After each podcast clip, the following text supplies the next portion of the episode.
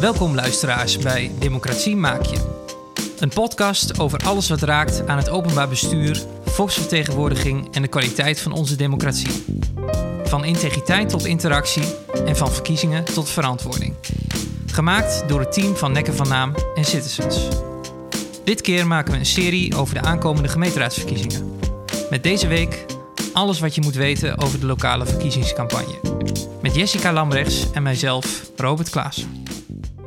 Deze aflevering gaan we het hebben over de lokale verkiezingscampagne. Met de lokale verkiezingscampagne valt of staat de populariteit van een politieke partij. De verkiezingsslogan neemt altijd een prominente plek in tijdens de campagne. De vorige keer, in 2018, bij de gemeenteraadsverkiezingen, logen de slogans er niet om. Van minder belasting, meer bitterballen, tot omdat u goed groenbeheer belangrijker vindt dan theatervoorstellingen. In deze aflevering zullen we het hebben over alles waar je rekening mee moet houden tijdens de verkiezingscampagne. Met de centrale vraag: hoe ziet een succesvolle verkiezingscampagne eruit? En daar spreken we vandaag over met Jan Dirk van der Borg.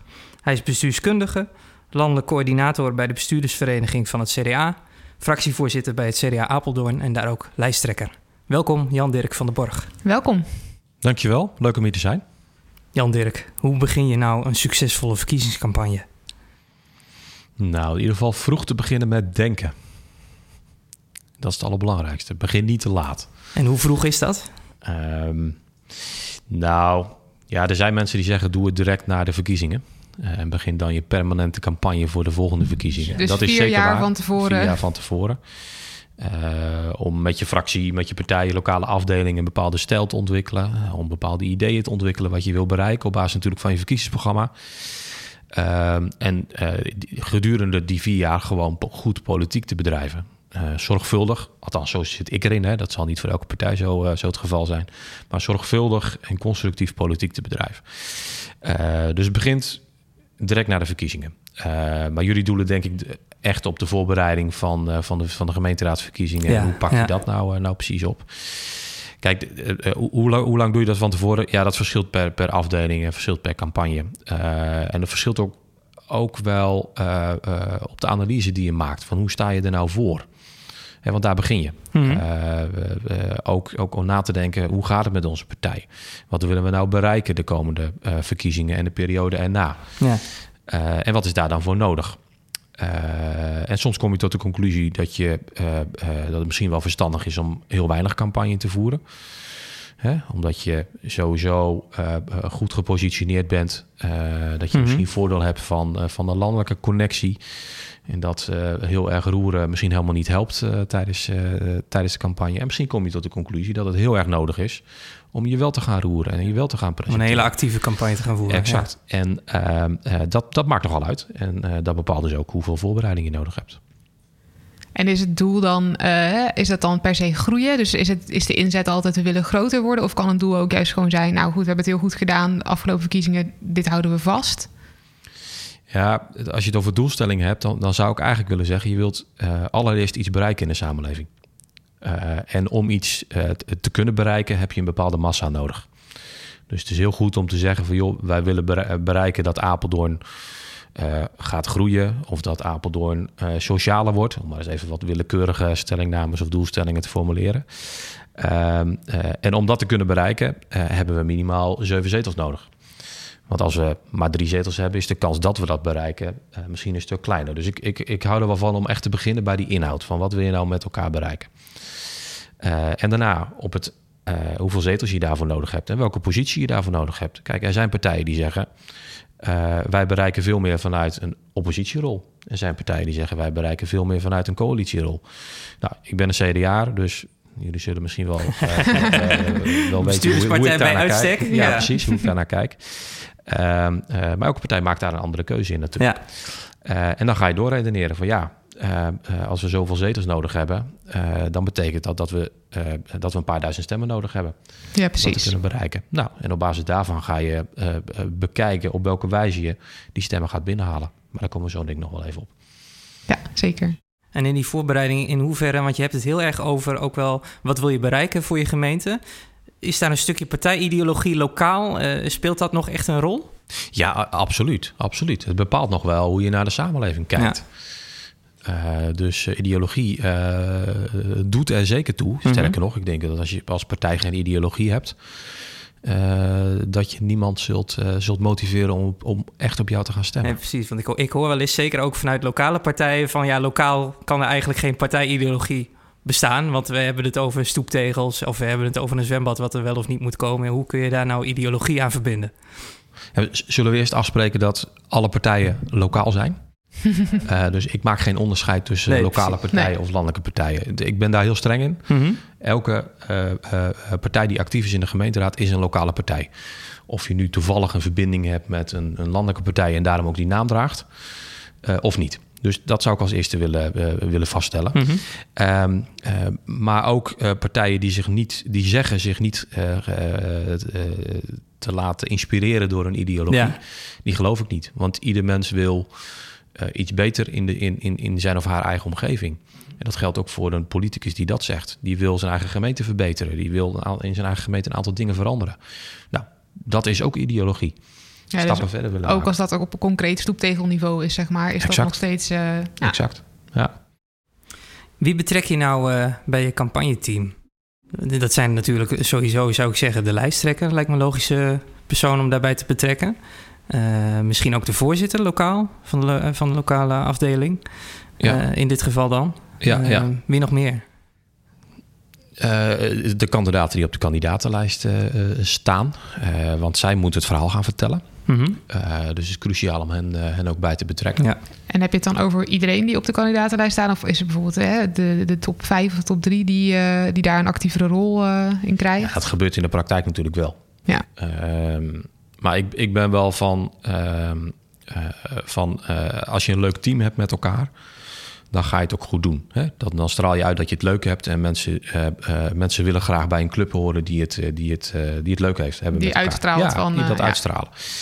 Ehm, dus ik ben ook wel zo van, joh, weet je, als je erbij wil horen, als je mee wil doen, als je je in wil zetten, kom erbij. En het liefst heb ik zoveel mogelijk mensen van, van, van de kandidatenlijst. Ja, in de praktijk gebeurt dat niet, maar wees welkom. Dus ik, het is niet zoveel, maximaal zoveel mensen of alleen die of die. Nee, je bent samen CDA, hè, in, in, in eh, ons geval. Eh, en dus pak je dat ook samen op. En is dat dan, zeg maar, eh, moet ik dat dan vormen? Is dat professioneel geregeld? Of is dat als iemand een idee heeft, dan kan die dat uitvoeren? Is, zeg maar, is er een soort van centraal team wat dat dan leidt wel? Of, Ja, ook dat verschilt natuurlijk wel per, per afdeling. Maar ik denk wel dat het verstandig is om een soort campagneteam in te richten die nadenkt over, over de strategie. Hè? Eh, en ik zag ook altijd campagne voeren, met name in die laatste weken, is echt een militaire operatie. Dus dat betekent ook wel dat er gewoon een campagneleider moet zijn die bepaalt hoe we het gaan doen. Uiteraard in afstemming met iedereen. Ehm, eh, maar het is een militaire operatie. Eh, dit is het plan, zo gaan we het uitvoeren. Geen discussie, zo hebben we het bedacht. En dat moet je ook heel strak doen, want juist in die laatste weken kan er echt niks misgaan. Ehm, en eh, eh, dus, dus dat vraagt ook wel, wel eh, een leiderschap, met name van een campagneleider, maar ook van een lijsttrekker om mensen te motiveren.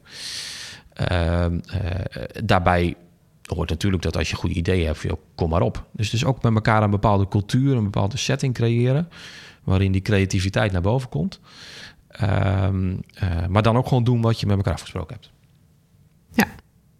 ja, dus er is, er is leiderschap, maar er moet ook ruimte zijn voor creativiteit.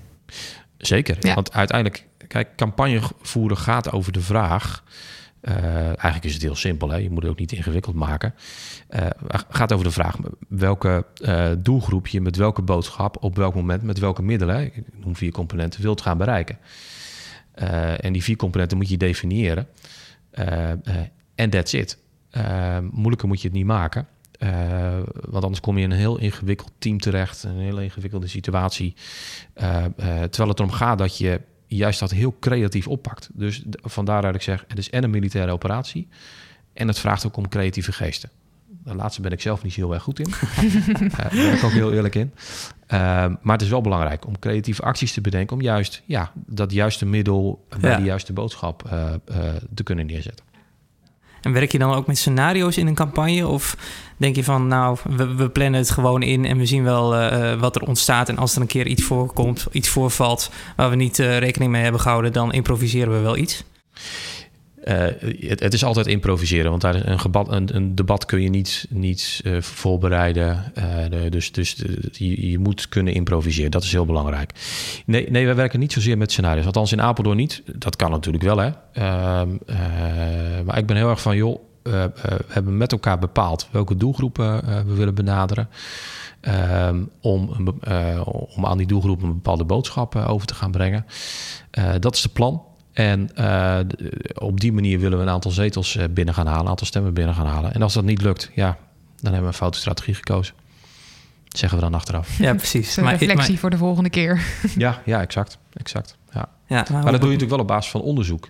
Hm. Uh, we hebben echt wel gekeken naar van, joh, uh, uh, welke mensen in Apeldoorn zijn ontvankelijk voor onze boodschap. In welke wijken wonen die mensen? Zelfs in welke straten wonen die mensen? En welke boodschap zouden zij dan graag willen ontvangen? Altijd op basis natuurlijk van je eigen ideologie. En van wat je mhm. zelf wil met, met de stad mhm. en met de dorpen. Uh, uh, maar je probeert natuurlijk wel een boodschap te formuleren die, die appelleert bij, bij de mensen die je graag wilt gaan bereiken. Want zij moeten op je gaan stemmen. Ja. Ehm, dus daar denk je op die manier over na. Heb je het wel eens meegemaakt in een vorige campagne dat er zich iets voordeed in de campagne van dat je dacht: oh nee, hier had ik geen rekening mee gehouden. Als ik dit had geweten, had ik het heel anders gedaan? Ja, je maakt altijd leuke dingen mee. Uh, ik weet niet of ik nou voorbeelden moet gaan noemen. Uh, nou, ik ben nou wel benieuwd dan. ja, ja, ja dat, dat doen we hierna. Vind je dat goed? En dan moet ik ook namen gaan noemen, dus dat ga ik niet doen. Nee, natuurlijk, uh, eens meegemaakt in een, in een debat. Zonder het voor, voorbeeld te noemen in een debat... dat, uh, dat een van onze kandidaten opeens een uitspraak doet... Ik kan me nog herinneren dat ik in een, in een, in een zaal zat uh, naast de lokale journalist. En dat ik een van mijn kandidaten iets hoor zeggen. Dat ik dacht van, oh nee. Dus ik zak echt letterlijk onderuit in mijn, in mijn stoel van, wat gebeurt hier? Uh, volgende dag zo'n grote kop in de krant. CDA wil dit. Um, ja, dat, dat gebeurt. Ja. ja. Ja, en daar kun je dan ook eigenlijk niks aan doen. Dat is gewoon een kwestie van, dat moet je incasseren en dan moet je gewoon weer verder gaan. Het, ik weet wel wat je niet moet doen. Ja. En dat is niet zuur reageren. Nee, precies. Nee. je zei ook net iets over uh, uh, het bereiken van een aantal zetels. Um, hoe bepaal je nou, zeg maar, stel je haalt dat aantal zetels niet... Kun je dan alsnog wel een redelijk succesvolle campagne hebben gevoerd? Of is zeteltal echt de doorslaggevende in de uitslag? Kijk, je kunt niet, natuurlijk niet zelf bepalen uh, dat, dat, dat die, die mensen die je voor ogen hebt ook precies op je gaat stemmen. Nee, je hebt ook allerlei externe factoren. Ja. Bijvoorbeeld wat er uh, in de landelijke politiek gebeurt. Uh, uh, bijvoorbeeld wat er, misschien is er lokaal een, een, een grote gebeurtenis die bepaalt hoe de, hoe de verkiezingsuitslag eruit ziet. Dus je, je kunt je daar niet op en top op voorbereiden. Dus ja, je kunt een hele goede campagne draaien en toch door externe factoren een slechtere uitslag draaien. Of misschien wel een betere uitslag. Ehm, maar de meeste politici zeggen dan dat het aan hun ligt. Nou, zo is het niet. um, uh, dus ja, dat kan. Je kan een hele goede campagne draaien en toch een slechtere uitslag uh, draaien. Ja.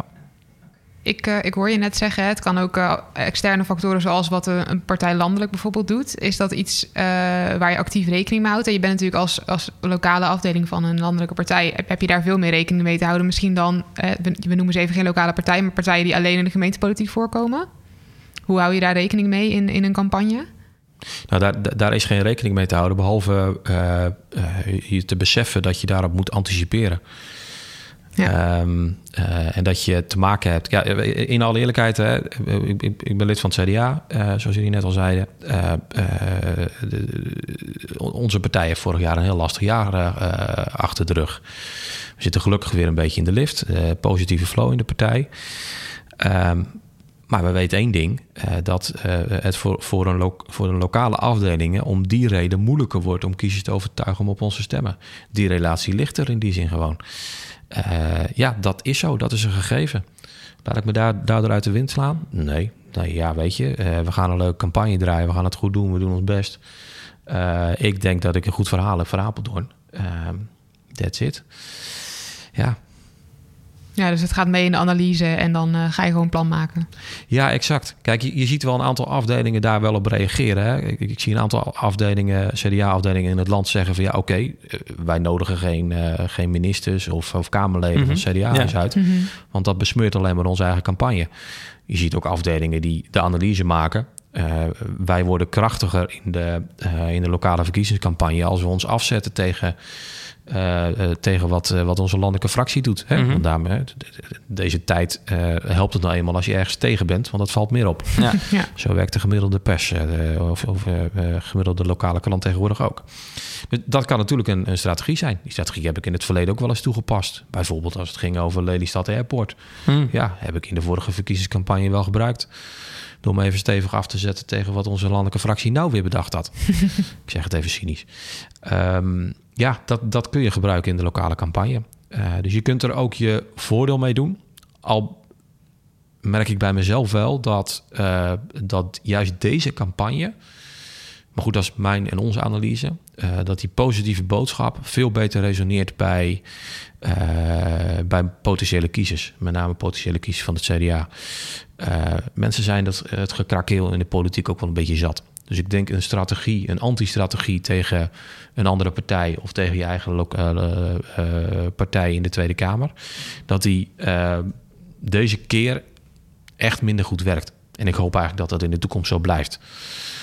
Want ik ben eigenlijk wel van de, van de manier van politiek bedrijven. Doe het positief, doe het constructief. Omdat je alleen op die manier iets kunt bereiken voor je omgeving, voor je samenleving, voor je gemeente, voor je dorpen, Mm. voor je stad. Um, dus dat, nou ja, ik, ik, ik, ik denk dat het deze verkiezingen in die zin anders is dan een, dan een paar jaar geleden. Mhm. Maar goed, elke afdeling maakt daar zijn keuze in. Ja, precies. Ja. En we hebben het dan even over het onderscheid tussen lokale en landelijke partijen. Is het ook zo dat uh, part landelijke partijen met een lokale afdeling, dat lokale afdelingen meer uh, uh, munitie hebben, zeg maar, meer professionaliteit. Uh, een partijbureau wat kan ondersteunen, middelen die ze krijgen, dan een lokale partij. Hebben ze een natuurlijk voordeel of is dat niet zo? Nou ja, je kunt, daar in zijn algemeenheid niet zoveel over zeggen, denk ik. Er zijn. er is wel veel verschil tussen partijen die, die geen binding hebben met een landelijke politieke partij. Er zijn partijen die het echt heel goed voor elkaar hebben. Uh, die de organisatie goed voor elkaar hebben, die de scouting goed voor elkaar hebben, die een, een, een stevige afdeling hebben. Maar er zijn ook partijen waarbij dat echt wel zorgelijk is. Uh, overigens maak ik me daar in zijn algemeenheid wel, wel zorgen over. Over uh, met name in kleinere gemeenten. de wijze waarop lokale politieke partijen. Dus alle lokale politieke partijen in staat zijn om mensen op kieslijsten te krijgen, om een goed verkiezingsprogramma neer te zetten. Uh, om überhaupt constructieve politiek te, te, voeren die ervoor zorgt dat je als gemeente ook een stap verder komt. Um, uh, dus ik, ik zou daar niet in, in zijn algemeenheid een uitspraak over willen doen uh, als het gaat over de zogenaamde lokale politieke partijen. Ja. Um, maar in zijn algemeenheid maak ik me wel zorgen over hoe het gaat met lokale afdelingen, ook van landelijke partijen. met name in kleinere gemeenten en de kracht daarvan. Uh, en ik denk dat, uh, nou ja, de landelijke partijen hebben natuurlijk een, een opleidingsinstituut over het algemeen, ja. een bestuurdersvereniging die kan helpen, een wetenschappelijk instituut die, die kan helpen. Nou, ik denk dat het voor elke landelijke partij geldt dat daar meer inzet op moet komen. Ook dat de landelijke politiek daar meer in moet investeren. Mhm. Als je in omliggende landen kijkt, dan uh, uh, bijvoorbeeld in Duitsland, dan, dan, dan, dan zijn partijen daar veel steviger. Hebben veel meer geld, krijgen veel meer geld van de Rijksoverheid om bijvoorbeeld opleidingen, wetenschappelijk instituut of wat dan ook te kunnen financieren. Dus die partijdemocratie is veel steviger. En in zijn algemeenheid zou ik ook de landelijke politiek willen oproepen om dat ook in Nederland veel beter te regelen. Het is toch de basis waar, uh, waar goede mensen gerecruiteerd worden. Het is toch de basis waar ideeën ontstaan. Waar, uh, uh, waar ideeën ontstaan over waar je naartoe wil met je gemeente, met je provincie, met je waterschapsbestuur of met de Rijksoverheid. Kijk, als we dat, als we dat gaan uh, verwaarlozen met elkaar, en dat doen we op dit moment, Mm. Mhm. uh, ja, dan is het niet gek dat er met name in kleinere gemeenten uh, gewoon zwakke uh, fracties uh, zijn. Uh, en dat baart me wel heel veel zorgen. Ja, ja, ja. Is het iets wat, wat, wat, wat je ook merkt uh, in de recrutering van kandidaten? Dat, dat er een soort terughoudendheid is, of dat mensen minder snel bereid zijn om te zeggen van ja, ik, ga, ik wil verkiesbaar staan of ik wil überhaupt op een lijst staan? Nou, bij ons in Apeldoorn niet. Uh, ik ben altijd weer trots op hoeveel mensen zich kandidaat willen stellen en op de, op de lijst willen staan. In die zin is er ook echt wel concurrentie. Mm -hmm. En dat is gezond. Ja. ja. Um, maar ik weet wel dat er gemeenten zijn waar dat zeker het geval is. Uh, bij bijna alle partijen geldt dat. Nou, mij is vandaag of gisteren kwam het bericht weer naar buiten welke partijen uh, nou weer waar meedoen. Hè. CDA is de partij die meedoet op de meeste, in de meeste gemeenten. Bijna alle gemeenten. Op vijf na, meen ik. Ehm, gevolgd door de VVD. Uh, maar ik las ook dat bijvoorbeeld de Partij voor de Arbeid en zelfs een partij als de SGP, hè, die toch bekend staat vanwege een stabiele organisatie, toch in substantieel minder gemeenten meedoet. Nou, dat zegt iets over, uh, uh, waarschijnlijk, laat ik niet te snel concluderen, waarschijnlijk zegt dat iets over ehm, het aantal geschikte mensen wat ze, wat, wat ze kunnen vinden. En die noodkreten krijgen wij natuurlijk ook wel eens. Of joh, er zit hier een meneer al 18 jaar in de gemeenteraad. Ja, hij wil eigenlijk stoppen, maar kan niet omdat hij geen opvolging kan vinden. Nou, dat is natuurlijk een ontzettend ongezonde situatie. Uh, is ook helemaal niet nodig overigens, hè? want uh, ik bedoel, uh, ga de straat op, ga de samenleving in. Je hebt zo'n aantal mensen die betrokken willen zijn. Maar blijkbaar gebeurt het niet. Nee, en hebben we niet een setting met elkaar waarin we een stevige politieke afdeling kunnen, ja. kunnen vormen. Nogmaals, in grote steden is dat echt anders. kleine gemeenten, ja, paard me dat wel, paard mhm. me dat wel zo. Ja. ja. Maar je zegt ook eigenlijk van lokale afdelingen moeten ook gewoon proactief zijn om, om mensen te vinden op te luisteren. Niet alleen te kijken naar de eigen leden, maar ook verder te kijken en gewoon met mensen op straat die ze kennen uit de samenleving het gesprek aan te gaan van hey, zou jij misschien verkiesbaar willen zijn? Ja, ja. ja je, kunt, je kunt niet meer alleen putten uit, uh, uit je eigen leden, uh, hmm. ledenlijst. Dat is gewoon te beperkt. Ja. Dus je moet in bredere zin kijken naar, uh, naar wie er actief wil zijn in de politiek. en ik vind dat je als politieke partij er ook wel soepeler mee om moet, moet gaan. En speelt dat dan ook een rol in de campagne? Is de campagne echt alleen gefocust op, op kiezers trekken? Of kan, kan dat ook geënt zijn op gewoon meer betrokken leden bij een partij vinden? Het, uh, zeker, dat, dat, dat is zeker ook belangrijk. Ik, ik, heb, het is wel leuk dat je het vraagt, vorig jaar voor onze lokale afdeling ook wel een plan geschreven waarin dit een van de doelstellingen was richting de verkiezingen. Um, dus zowel het vinden van meer leden en meer actieve mensen. Hè. Dat zijn mhm. twee dingen. Hè. Dus je mensen die passief lid kunnen zijn en mensen die actief, actief uh, lid kunnen zijn. Dus op beide uh, uh, moet je investeren. en het resultaat daarvan kan ook zijn dat meer mensen op je, op, op je stemmen en vice versa.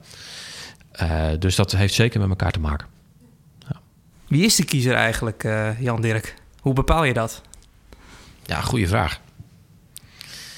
Uh, kijk, je hebt als politieke partij uh, te maken met schaarse, schaarse middelen. Dus je kunt niet iedereen bereiken. Nee. Um, uh, ik, ik, kom uit een partij die jarenlang wel geprobeerd heeft om de hele, hele samenleving te bereiken. Maar je moet ook eerlijk zijn, je hebt schaarse middelen. Dus dat lukt niet.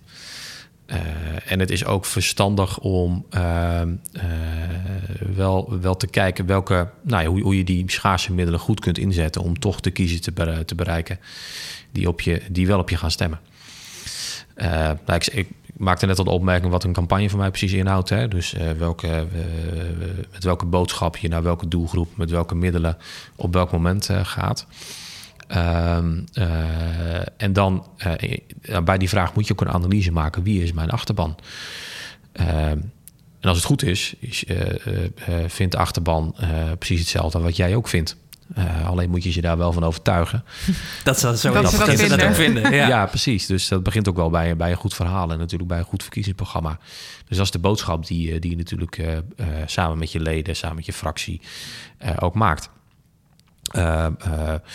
Maar daar hoort, het is wel goed om dat te onderzoeken. Hè? landelijke partijen hebben gewoon onderzoekers in dienst die, die onderzoeken wat, wat hun achterban belangrijk vindt. Dat moet ook niet te ver doorslaan, want dat, dat kan ook gevaarlijk worden. Uh, maar het is wel goed om te onderzoeken wie je doelgroep is. Ehm, voor het CDA geldt dat van oudsher de, de oudere doelgroep een doelgroep is die, die snel op het CDA stemt. Waarschijnlijk vanwege onze boodschap. hetzelfde geldt voor, voor mensen die in dorpen wonen. en als ik in, in Apeldoorn het palet bekijk, dan zie je hoe, hoe meer je naar de, de buitenranden van de stad gaat, hoe meer eh, mensen op het CDA stemmen. Dus mensen die in de binnenstad wonen. Ik woon overigens in de binnenstad, dus misschien ben ik helemaal geen CDA. Nee, dat is een Maar um, uh, als je die, die onderzoeken bekijkt, dan, dan kun je die conclusie uh, wel trekken. Dus, dus het, is, het is belangrijk van kijk waar, waar die kiezers zitten, wat die kiezers belangrijk vinden, welke thema's die kiezers dus ook belangrijk vinden. Um, uh, en dan kom je vanzelf tot een, tot een conclusie wat, wat, het, wat het plaatje is. En ik hoor je nu zeggen van nou, bijvoorbeeld in de, de, CDA wat oudere stemmers of wat meer landelijk gebied bijvoorbeeld. Um, en je dan dus je campagne ook op de groepen van je weet die willen op het CDA stemmen. Want je hebt natuurlijk ook bijvoorbeeld heel veel jongeren die voor het eerst mogen stemmen. Ja. In hoeverre neem je dat dan mee in zo'n campagne? Ja, juist dat. Juist ja, dat. Juist dus Je de kunt- groepen maar- die je mist Ja, nog. maar dat, dat, is, dat is de volgende stap die je maakt natuurlijk. Hè. Dus eh, dat is dan de vraag van ehm, welke strategie pak, pak, je dan, pak je dan op? Je kunt ervoor kiezen om eh, de mensen op te roepen die eh, altijd al op je stemmen. Maar ja, misschien is dat dan wel een klein beetje verloren energie. Dus je kunt ook kijken naar welke groepen zijn in potentie bereid eh, om, eh, om op het CDA te stemmen, maar moeten zich nog wel laten overtuigen. Nou, dat soort analyses zijn wel beschikbaar op basis van allerlei onderzoek. Ehm, dat is overigens wel eng hoor, om te, om, om, om te zien hoe dat soort onderzoeken zijn opgebouwd. Dat je bijna op straatniveau en je bijna op huisniveau kunt berekenen op basis van een aantal kenmerken of de potentie aanwezig is dat, dat iemand op een bepaalde partij stemt. Ehm, maar het is wel belangrijk om dat, om, om, om dat eh, eh, te bekijken. En ik denk dat het verstandiger is om je te richten op juist die groepen waar die potentie zit.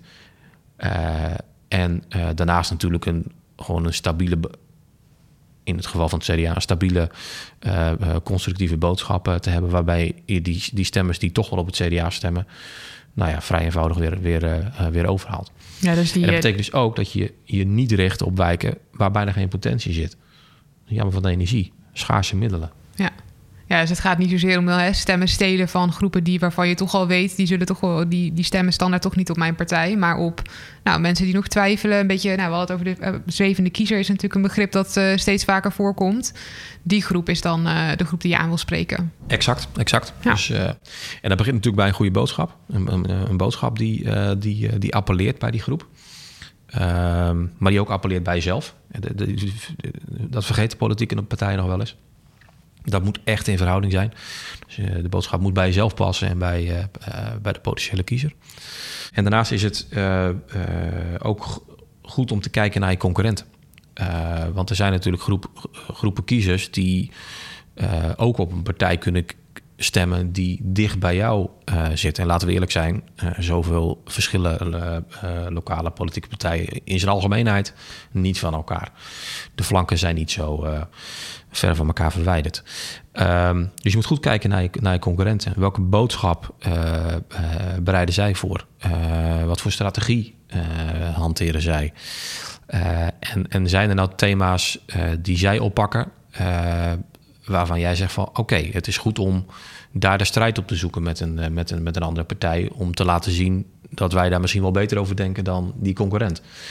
Of zeg je van nou, laat die concurrent maar even lekker zitten. En wij zijn overtuigd van ons eigen verhaal en overtuigen op die manier eh, de kiezers. Dus het hangt heel erg af van ook van de lokale poli- politieke situatie. Eh, wie zijn je concurrenten? Ehm, eh, hoe staat het ervoor? Ehm, eh, dus ook, ook dat aspect moet je zeker meenemen in, in het vraagstuk: hoe, hoe overtuig ik nou die zwevende kiezer? En je gaat het dan, al die elementen neem je mee in de campagne, in het campagneplan. En dan is het zover, dan begint de campagne. Wanneer is dat ongeveer? Is dat drie weken van tevoren of is dat later of eerder? Ja, het leuke is dat je, dat je heel veel politieke partijen nu al heel zenuwachtig allerlei campagneacties zien uitvoeren. Maar eigenlijk moeten we ook eerlijk zijn, dat, dat slaat helemaal nergens op. Eh, de, de, de kiezer is pas de laatste drie dagen bezig met de verkiezingen. Punt. Punt. Ja, dus daar moet je ook gewoon al je energie op, eh, op, op zitten. Ook in middelen Nou, en kijk, tijd. Kijk, nou, dat, dat is ook, ook niet, niet helemaal waar natuurlijk. Ik, ik zei in het begin al, de, de, de, de campagne begint natuurlijk al direct na de verkiezingen, eh, voor de volgende verkiezingen. Dus, ehm, eh, maar nogmaals, je hebt schaarse middelen. Dus, eh, eh, en dat geldt ook voor je eigen energie hè? en je eigen fitheid. Als ik me nu helemaal kapot ga lopen, dan ben ik back af in de laatste drie dagen. Dat gaat niet helpen. Dus ook daarin is het verstandig om te kiezen en je te focussen op, de, op echt op de laatste paar dagen. Maar er speelt ook wat anders. En dat zit hem wel eh, in hoe je een campagne opbouwt. Kijk, ik, we hadden het net al even over dat je begint met analyses, met onderzoeken van, en met het maken van een plan. Dat, dat is eigenlijk de eerste fase. Maar vervolgens is het wel goed om eh, dat verhaal wat je hebt opgebouwd te toetsen. En ook gewoon neer te leggen in de samenleving. En te kijken hoe het resoneert. Eh, te kijken hoe andere partijen, niet politieke partijen, maar maatschappelijke partijen en inwoners daarop eh, reageren. Dat is een belangrijke fase. Hè, waarin je ook bepaalde thema's neerzet voor de campagne. Om ervoor te zorgen dat je als politieke partij leading bent op een aantal thema's die, eh, eh, die eh, relevant zijn in de samenleving. Eh, dus dat is ook een belangrijke fase. Maar eh, dat is geen harde campagne. Dat is niet de, de, tijd dat je met flyers op de markt staat of online gaat adverteren of allerlei kekke filmpjes maakt om, om de kiezer te overtuigen. maar het is wel een belangrijke fase en, en ehm, die moet je niet vergeten. Want, want je moet goed gepositioneerd beginnen aan die, aan die harde campagne. En daar is ook wat inzet voor nodig is dat dan ook een beetje misschien een soort testronde om een beetje af te tasten van de thema's die wij uit een analyse halen, die wij denken dat kiezers uh, belangrijk vinden, sluit het ook echt aan? Kan je dat ook zo zien? Dus kan je daarna nog, nog aanpassingen doen? Ja, dat is zeker een testronde, uh, enerzijds. Uh, maar anderzijds ook om jezelf te positioneren. Dus beide aspecten zijn belangrijk. Ja. Ja, je kunt natuurlijk niet opeens een heel ander standpunt innemen op een bepaald thema als je het al naar buiten hebt gebracht. Maar nee, nee, ja. nee. klopt. Um, als we dan naar de verkiezingen kijken, dit jaar is voor de gemeenteraadsverkiezingen het eerste jaar dat corona een uh, rol speelt. Hoe, uh, hoe, hoe, merk je dat nu in de voorbereiding van een campagne? Is dat iets uh, waar je, wat, wat je heel erg belemmert in, in dingen die je kunt doen? Of zeg je nou dat dat valt eigenlijk wel mee? Nee, ja, dat merk je enorm. al is het maar dat je je eigen voorbereiding alleen maar online doet. dus dat doet iets met de teambuilding. Ehm, dus dat speelt zeker. verkiezingen leven ook gewoon nog minder. Er zijn minder maatschappelijke partijen die debatten voorbereiden. Of die allerlei werkbezoeken voorbereiden. Dat begint nu wel een beetje te lopen maar dat is echt veel later dan, dan de vorige keer. dus dat merk je. De verkiezingen le leven gewoon, gewoon anders. En de continue twijfel op.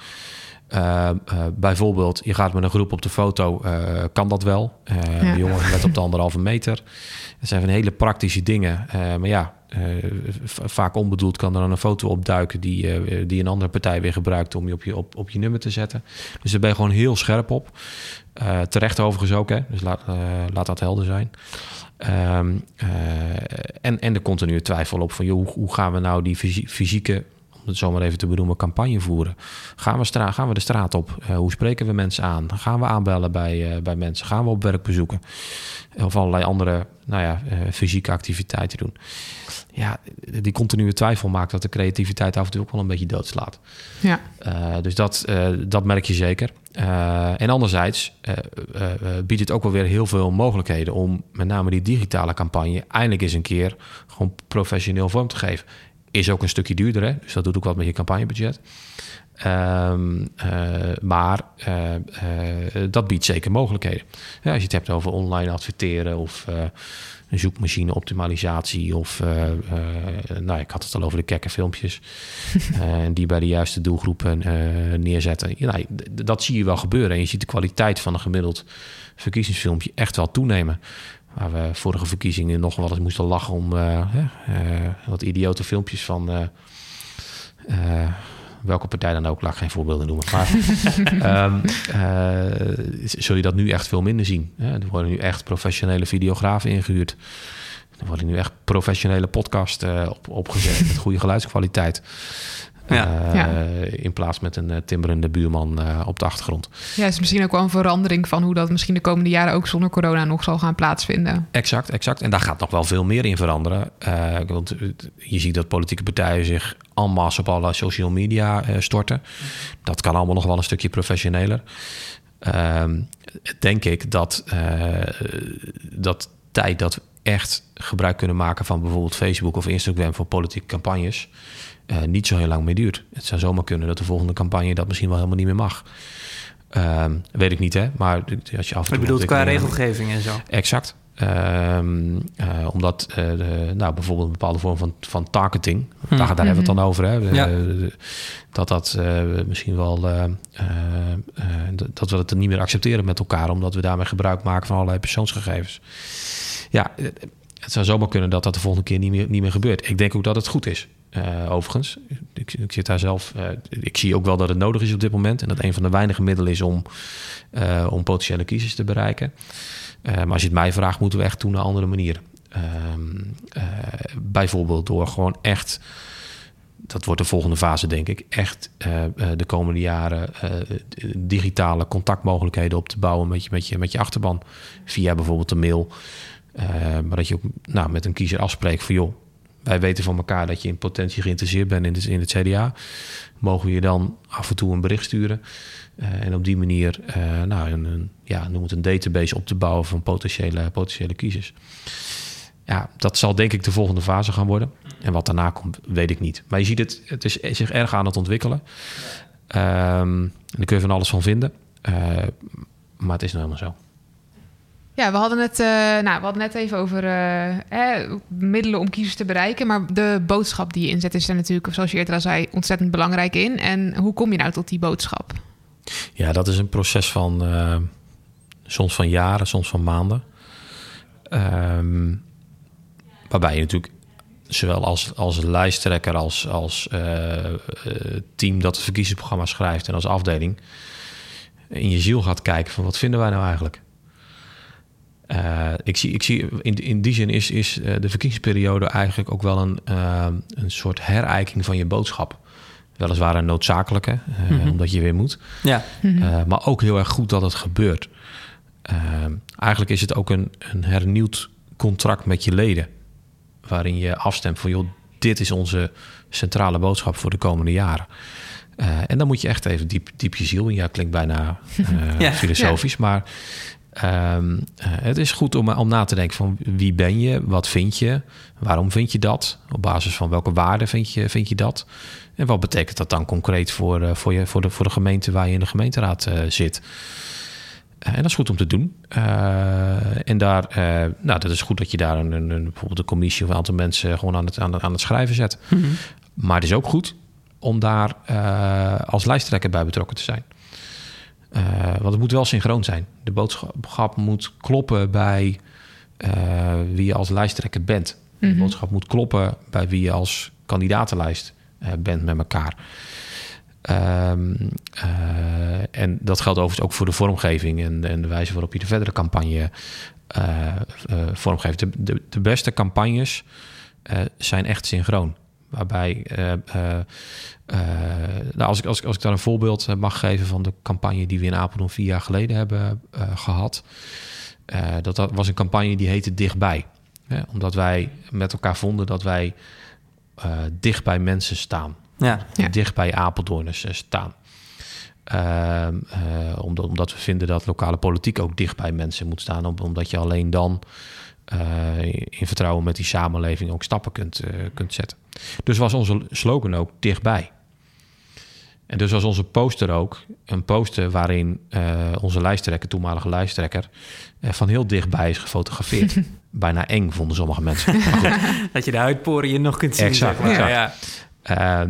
maar het is wel een voorbeeld van, van waarin slogan, lijsttrekker en boodschap synchroon waren hoe eng de poster ook was. Overigens is die, heeft die, ook aandacht die uit. Ja, hij heeft, hebben ook aandacht mee getrokken over. Hij was in de top drie van de beste verkiezingsposters van de, van de vorige keer. Maar dat was wel een heel mooi voorbeeld van een, uh, van een synchrone campagne. En ik denk dat dat wel de, de, de kern van de zaak is. Dat, je dat, dat die boodschap moet kloppen bij de lijsttrekker, bij de slogan. Dat mensen ook denken van... hé, hey, ja, dat is, dat, is, dat is een boodschap die, uh, die helder is... Uh, en ook uh, als ze een poster langs de weg zien, dat ze ook direct weten van hé, hey, dat, dat wil het CDA Apeldoorn vertellen. Um, dus nou, dat is een voorbeeld van die, die, die, ik wel mee zou willen geven. Ja, maar is het ja. echt, was het echt de, de, in de top drie het landelijke ja. posters? Ja. was echt het beste. Wow. Ja. Ja. ja. Dus, uh, een mooi resultaat om terug te kijken. Absoluut, absoluut. Dus qua aantal zetels zijn we gelijk gebleven, dus dat heeft geen. qua aantal stemmen niet, zijn we wel gestegen. Qua aantal stemmen gestegen, oh ja, ja. Maar dat is natuurlijk die kiesdeler. Uh, is, dat is lokaal is dat wel spannender dan, uh, dan landelijk natuurlijk, omdat je minder zetels hebt. Hè? Om dan deze aflevering af te sluiten naar alle best practices die je met ons hebt gedeeld. Wat is nou de campagnetip voor lokale verkiezingen die je ons wil meegeven? Ja, ik heb er twee. Mag dat? Ja, tuurlijk. Ja? Uh, de allereerste, en ik heb het ook al eerder gezegd, is uh, heb het leuk met elkaar. Mensen willen echt horen bij een groep die het goed hebben. Uh, en dat straal je uit. En daar reageren mensen op. Dus ik denk dat dat, uh, dat belangrijk is. als je interne ruzie hebt, al is het maar over, over iets kleins, dan kun je een goede verkiezingsuitslag vergeten, hoe goed je boodschap ook is. dus dat is één. De tweede is, het helpt, en overigens geldt dat uh, met name in de wat kleinere gemeenten, denk ik, omdat het daar wat eenvoudiger is. Uh, om een tweestrijd op te zetten. Uh, ten opzichte van bijvoorbeeld een andere grotere politieke partij die ook je concurrent is. en dat doe je op een, op een thema wat, wat heel gevoelig ligt in de samenleving. en dan heb je het over thema's als afval. Dat appelleert altijd bij mensen. of een nieuw gemeentehuis. of een zwembad wat, wat verbouwd moet worden. Echt van die thema's die voor heel veel reuring in de samenleving kunnen zorgen. en kies daar dan een, een, standpunt op. Uiteraard op basis van, van wat, je, wat je zelf vindt. Maar het helpt als, als, als dat ook diametraal te, tegenover je grootste concurrent staat. En dat uit te gaan nutten. Maakt dat groot. Nou, je ziet wel een aantal voorbeelden van verkiezingsuitslagen in de afgelopen decennia. waar partijen dat gedaan hebben. dat dat echt voor zijn zetelwinst oplevert. En het is een hele makkelijke manier om zichtbaar, zichtbaar te zijn. er zit ook een gevaar in. als je echt focust op één thema en, dat, en dat appelleert niet ja, dan ben je ook weg. Dan heb je ook geen verhaal. Maar als je echt één thema hebt en je kunt dat echt tegenover een andere partij zetten, kan dat heel succesvol Kan het heel goed uitbetalen, ja. ja. Mooie tip om mee te nemen, denk ik. Uh, Absoluut. In de aanloop naar maart. Dankjewel, Jan Dirk, voor dit gesprek. Ik vond het erg leuk en erg interessant en leerzaam. Dus uh, dankjewel daarvoor. Heel graag, graag gedaan. Dankjewel en veel succes. Tijd voor de blik van Bogus. Marcel Bogus is hoogleraar en onderzoeker bij Nekken van Naam. Hij reflecteert iedere aflevering op het gesprek. Net een uh, mooi verhaal gehoord over campagne voeren in de praktijk. Uh, over het verschil tussen permanente campagnes en hete campagnes. En we horen nu dus dat de hete campagne, maar dat zien we ook wel, dat die uh, vooral de laatste paar weken voor de verkiezingen uh, tot een hoogtepunt komt. En dat zien we natuurlijk als we rondkijken, zien we dat ook aan de campagneuitingen op straat. Maar inderdaad ook wel uh, terecht opgemerkt, de permanente campagne die begint eigenlijk de dag na de verkiezingen. Uh, want dan moet je toch aan uh, je kiezers duidelijk maken waar jouw partij voor staat. En wat je in de praktijk weet te realiseren in de, de gemeenteraad of in het gemeentebestuur, als je daar deel van uit mag maken. Ehm, dus die permanente campagne is heel, erg, heel erg belangrijk. En dat betekent dus ook dat je dat je uh, via social media, ook al net terecht genoemd, en we zien ook dat partijen daar steeds professioneler in zijn geworden, maar niet alleen via social media, maar ook op allerlei andere manieren, dat je uh, uh, je, je voelhorens in de samenleving uitzet. Niet alleen om in die samenleving signalen op te halen van wat, ze, wat, wat, wat mensen vinden van het gemeentelijk beleid en wat mensen nodig hebben, maar ook om in die samenleving duidelijk te maken waar jij als partij voor staat en wat je hebt weten te realiseren. Um, daarom is heel belangrijk dat je dat ook steeds meer op individueel niveau doet. Daar zal ik straks ook wel op terugkomen. Is ook net wel iets over gezegd. Dat die individuele kandidaten, dat daarvan ook erg belangrijk is dat zij langzaam een eigen achterban opbouwen. Uh, die partij, uh, in dit geval het CDA, natuurlijk is dat ook belangrijk, maar de eigen achterman van kandidaat is minstens even belangrijk. Want het zijn die kandidaten die uh, het lokaal bestuur een gezicht geven en het zijn die kandidaten die kiezers kennen en vertrouwen. En het zijn die kandidaten die ook straks duidelijk maken van kijk eens, wij maken voor namens deze partij het verschil straks na de gemeenteraadsverkiezingen. Dus individuele kandidaten zijn enorm belangrijk. Net ook al iets gezegd over het, uh, over het bereiken van uh, doelgroepen en vooral nieuwe kiezers. Nou, dat zien we eigenlijk altijd wel bij verkiezingen. Dat partijen die succesvol zijn bij verkiezingen, dat zijn juist die partijen die in staat zijn om groepen te mobiliseren die anders thuis blijven. nou, dat zijn vaak ook jongeren. dus als je in staat bent om jongeren te mobiliseren, dan, dan zul je zien dat je een, een mooi verkiezingsresultaat weet te boeken. Uh, dat kunnen ook andere groepen zijn, zoals uh, mensen met een praktische opleiding, die blijven ook wat eerder thuis. Of mensen met een migratieachtergrond. Nou, als je die weet te mobiliseren, dan weet je dat uh, de kans op een mooi resultaat wat, wat groter wordt. Wat net ook wel duidelijk naar voren werd gebracht, is van ja, je kunt wel als partij je eigen verhaal vertellen, maar dat is wel verdomd lastig, dat eigen verhaal. Want het eigen verhaal wordt ook altijd wel een beetje overschaduwd door het verhaal van de landelijke politiek. En nou ja, dat is uh, voor het CDA nu uh, wat lastig. Want uh, het is een partij die nu in de, in de peilingen het niet al te goed doet. Heeft allerlei redenen. Um, dat heeft iets met, met een leiderschapscrisis te maken, maar met een hele hoop andere zaken ook. In ieder geval, voor de kiezer is het niet altijd even duidelijk waar staat het CDA voor. En voel ik me nog wel thuis bij die partij. Dus je ziet dat die landelijke trend, die negatieve landelijke trend die, uh, daar, gaan, daar gaan partijen lokaal ook last van hebben. Hoe, goed ze het ook hebben gedaan de afgelopen vier jaar, hoe goed hun wethouders hebben bestuurd, hoe goed hun uh, kandidaten hun best hebben gedaan om uh, geluiden van de straat in de raad door te laten klinken. je hebt gewoon te maken met negatieve landelijke trends. Of nou, er zijn ook partijen waar die trend positief is. Nou, die kunnen heel makkelijk meeliften met een positieve, met een positieve landelijke trend. We zien nou bijvoorbeeld een aantal partijen die het in de peilingen heel goed doen. Nou, die zullen daar zeker van profiteren straks bij gemeenteraadsverkiezingen. Als je nou met een wat negatievere trend eh, geconfronteerd wordt, en dat geldt nu voor het CDA, uh, uh, hoe kun je daartegen te weerstellen? Nou, een manier om dat te doen is door wat steviger het lokaal profiel van jouw partij op te poetsen en te benadrukken in de campagne. En een manier om dat te doen is juist weer om die kandidaten juist naar voren te schuiven. Die kandidaten, die zijn het gezicht van jouw partij. En als je ervoor zorgt dat die in de campagne een, een, prominente rol spelen, dan kun je tot op zekere hoogte die landelijke trend wat keren. Uh, we hebben dat in de praktijk ook gezien. Uh, een tijd geleden waren herindelingsverkiezingen in een aantal gemeenten. En we zagen bijvoorbeeld in het Land van Kuik, een grote herindelingsgemeente, waar het CDA uh, tegen de verwachting in eigenlijk het erg goed deed. sterker nog, die werd daar de grootste partij.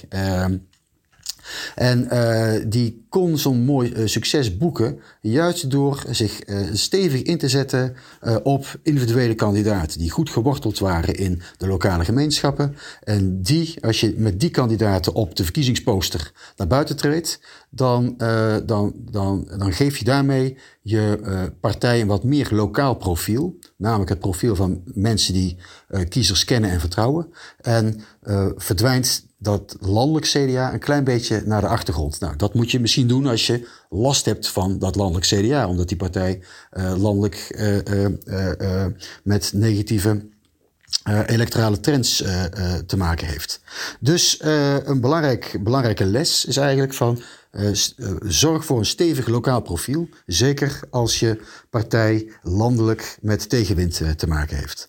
Ehm, en verder natuurlijk voercampagne vanaf de eerste dag na de verkiezingen. Die permanente campagne, dat blijft heel erg belangrijk. Bedankt voor het luisteren naar deze aflevering van Democratie Maak Je, de podcast van Nekken van Naam en Citizens. Over twee weken zijn we terug. Dan hebben we het over de transitie van kandidaat naar raadslid. Deze podcast is gemaakt door Pim Steenbergen, Jessica Lambrechts, Pieter Overeem en mijzelf, Robert Klaassen. Blijf ons volgen op sociale media en op je favoriete podcastkanalen. Heb je ideeën of suggesties voor nieuwe afleveringen? Mail ons dan op podcast.nekker.nl.